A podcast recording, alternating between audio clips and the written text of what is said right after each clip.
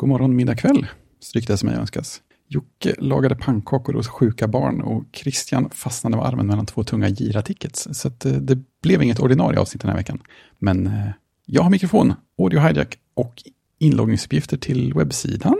Kanske? Inget kan stoppa mig. Okej, okay. ska vi prata om min studiodisplay? Ja, jag köpte den. Min 4K Dell-skärm bröt ju ihop. Och då började jag snegla på alla möjliga alternativ igen. Speciellt som jag lyckades få pengarna tillbaka ganska snabbt och smärtfritt från Amazon. Så jag kikade på allt igen, inklusive studiodisplayen. Men den var ju fortfarande sjukt dyr och hade sjukt lång leveranstid.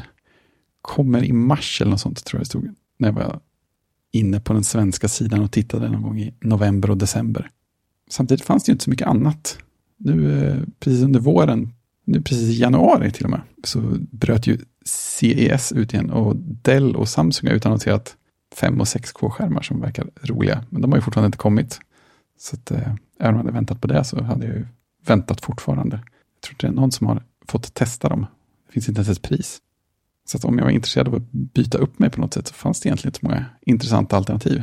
Och på ett sätt var ju det ganska bra för att jag hade ju en 1440p-skärm framför mig som funkade alldeles utmärkt fortfarande. Så kanske var det lika bra att samla pengarna på hög ett tag och se vad som kommer längre fram. Kommer en Pro Display XDR Junior eller någonting. Sen kommer brytet i två snabba steg. För det första så kom det in lite poddpengar som kändes vettiga att investera i någon slags, i alla fall lite poddrelaterade verktyg. Stirrar ändå rätt mycket på skärmar och läser saker på skärmar och surfar in på saker på skärmar medan jag poddar. Så det kändes som en vettig grej i budgeten. Och sen så hade jag ju ihop med att få tillbaka pengarna så känns det som att mm, om man kisar lite så kan man motivera det. Och sen för det andra då så tänkte jag att kommer i mars, det orkar jag ju inte vänta på. Men jag klickade in i konfiguratorn för studiodisplayen och såg att nej, det var inte leverans om fyra månader. Det var leverans på måndag om jag beställde, om jag beställde samma dag. Så, jag är en svag människa. Jag gillar också julklappar. Jag biktade mig till en vän som råkade vara uppkopplad och inte hann undan och sen så klickade jag beställ. Det var för att vara noga fredagen den 9 december. Så dagen före Lucia dök ett väldigt stort paket upp med, med en leveransbil. Och lite mot alla odds så kom det helt friktionsfritt, helt enligt tidtabell. Bara det är ju skumt, så att eh, man tänker ju att den ska bryta upp direkt, men det gjorde den inte. Så hur är den då? Det är väl ganska exakt som man väntar sig av en Apple-skärm egentligen. Det är en mäktig icke-upplevelse som eh, bara försvinner när, man in, när jag inte tänker på den och fortfarande inte blivit gammal när jag tänker på den. Så 4K med 1 1 upplösning var mäktigt mycket utrymme, men eh, 27 tum i äkta Retina-upplösning är så oerhört mycket finare att titta på. Dels är allting så skarpt och härligt. Text blir så mycket vackrare, speciellt med MacOS textrendering nu för tiden, som ju någon gång på vägen slog av eh, subpixelrendering eller någonting sånt där som eh, gjorde att texten blev lite frasigare på icke-retina-skärmar. Det problemet har man inte med en eh, retina-upplösning. Allting har den där knivskärpan som är så härlig.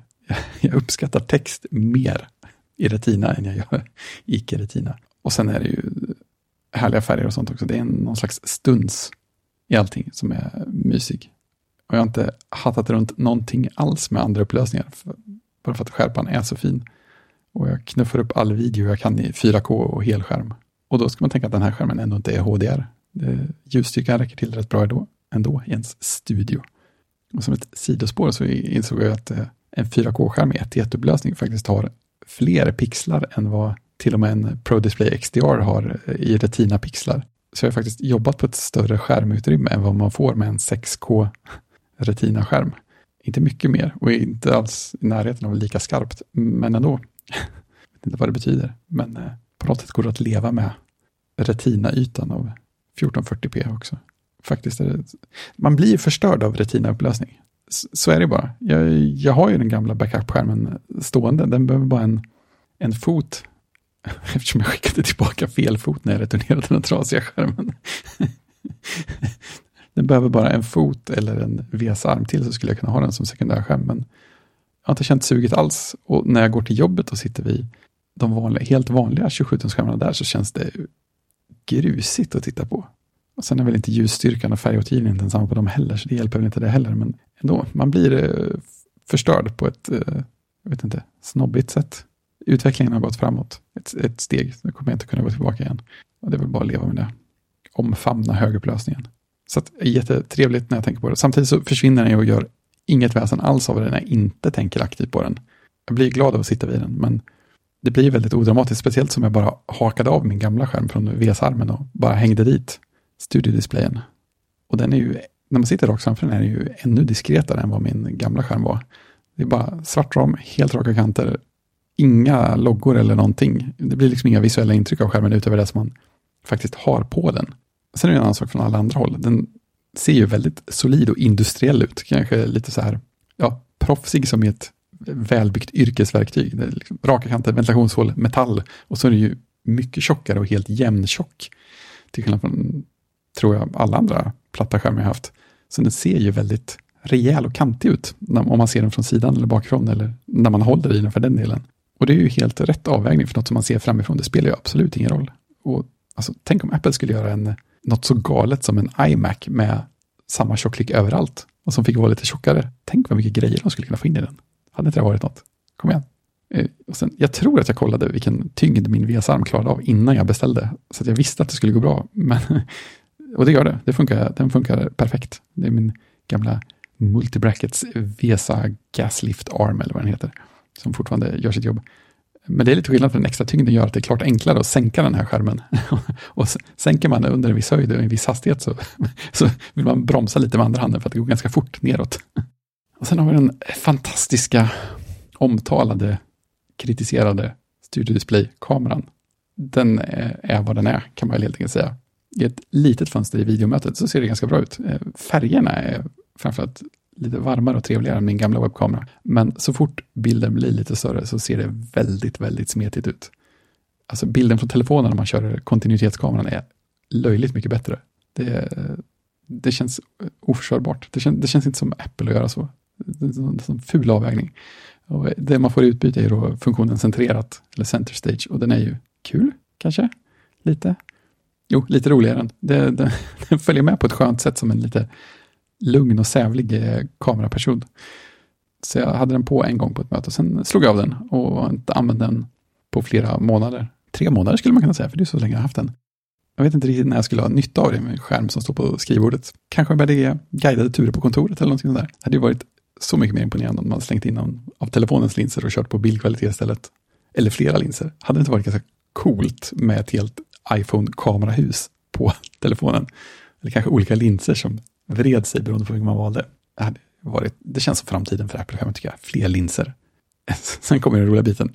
Medan jag satt och funderade på att spela in det här så har jag använt skärmen i tre månader med centrerat avslaget. Och nu kom jag på att det faktiskt finns en tydlig nytta med att ha det på vid skrivbordet. För att eh, centrerat justerar ju inte bara bilden i sidled och liksom glider runt, utan den kan ju justera i höjdled också. Och jag har med jämna mellanrum tänkt på det där att jag höjer och sänker skrivbordet och höjer och sänker skärmen lite grann beroende på vad jag gör.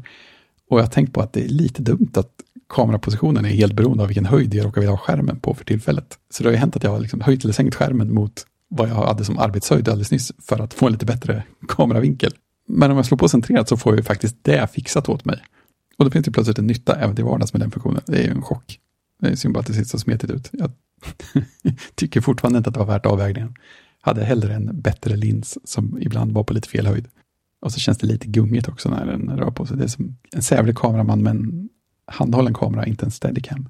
Och sen har de ju ljud. Jag har inte testat någonting med spatial audio eller sånt, men högtalarna är så bra att jag inte har några problem med att spela upp saker i dem. Jag, jag, jag, tänkte på det som att jag inte brukar ha musik i dem, för att jag har nästan alltid, alltid lurar i närheten och inkopplade. Man är ju poddare, men eh, ibland är det faktiskt skönt att låta öronen få luft också och jag insåg att jag spelar faktiskt musik i högtalarna också.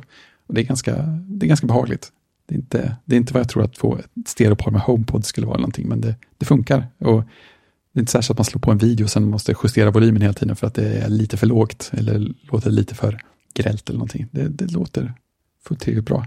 Jag har inte testat mikrofonen eller mikrofonerna på något eh, allvarligt sätt heller. Förutom att jag har kört en del videomöten med dem och frågat hur jag låtit och fått höra att jag låter bra. Eh, men, och de flesta jag jobbar med pratar ju via moderna Macbook-mikrofoner precis hela dagarna. Så jag, litar att det, jag gissar att det låter ganska exakt likadant. Vilket är bra för inbyggda grejer. Inte minst för videomöten. Apple är, och Apple är ju sjukt bra på att filtrera bort saker som inte ens röst också. Det har vi lagt märke till eh, flera gånger på videomöten att jag eller någon annan har frågat om oh, det här bakgrundsljudet, hörs det? Och så nej, det hörs inte alls. Och det är ju inte mikrofon, mikrofonhårdvaran, det är ju Apples mjukvara som är välinställd för syftet. Eh, men eh, jag spelar in det här med både Studio Display-mikrofonen och eh, min vanliga poddmikrofon. Så att jag kan ju växla lite mellan här och se om man hör vad som är vad.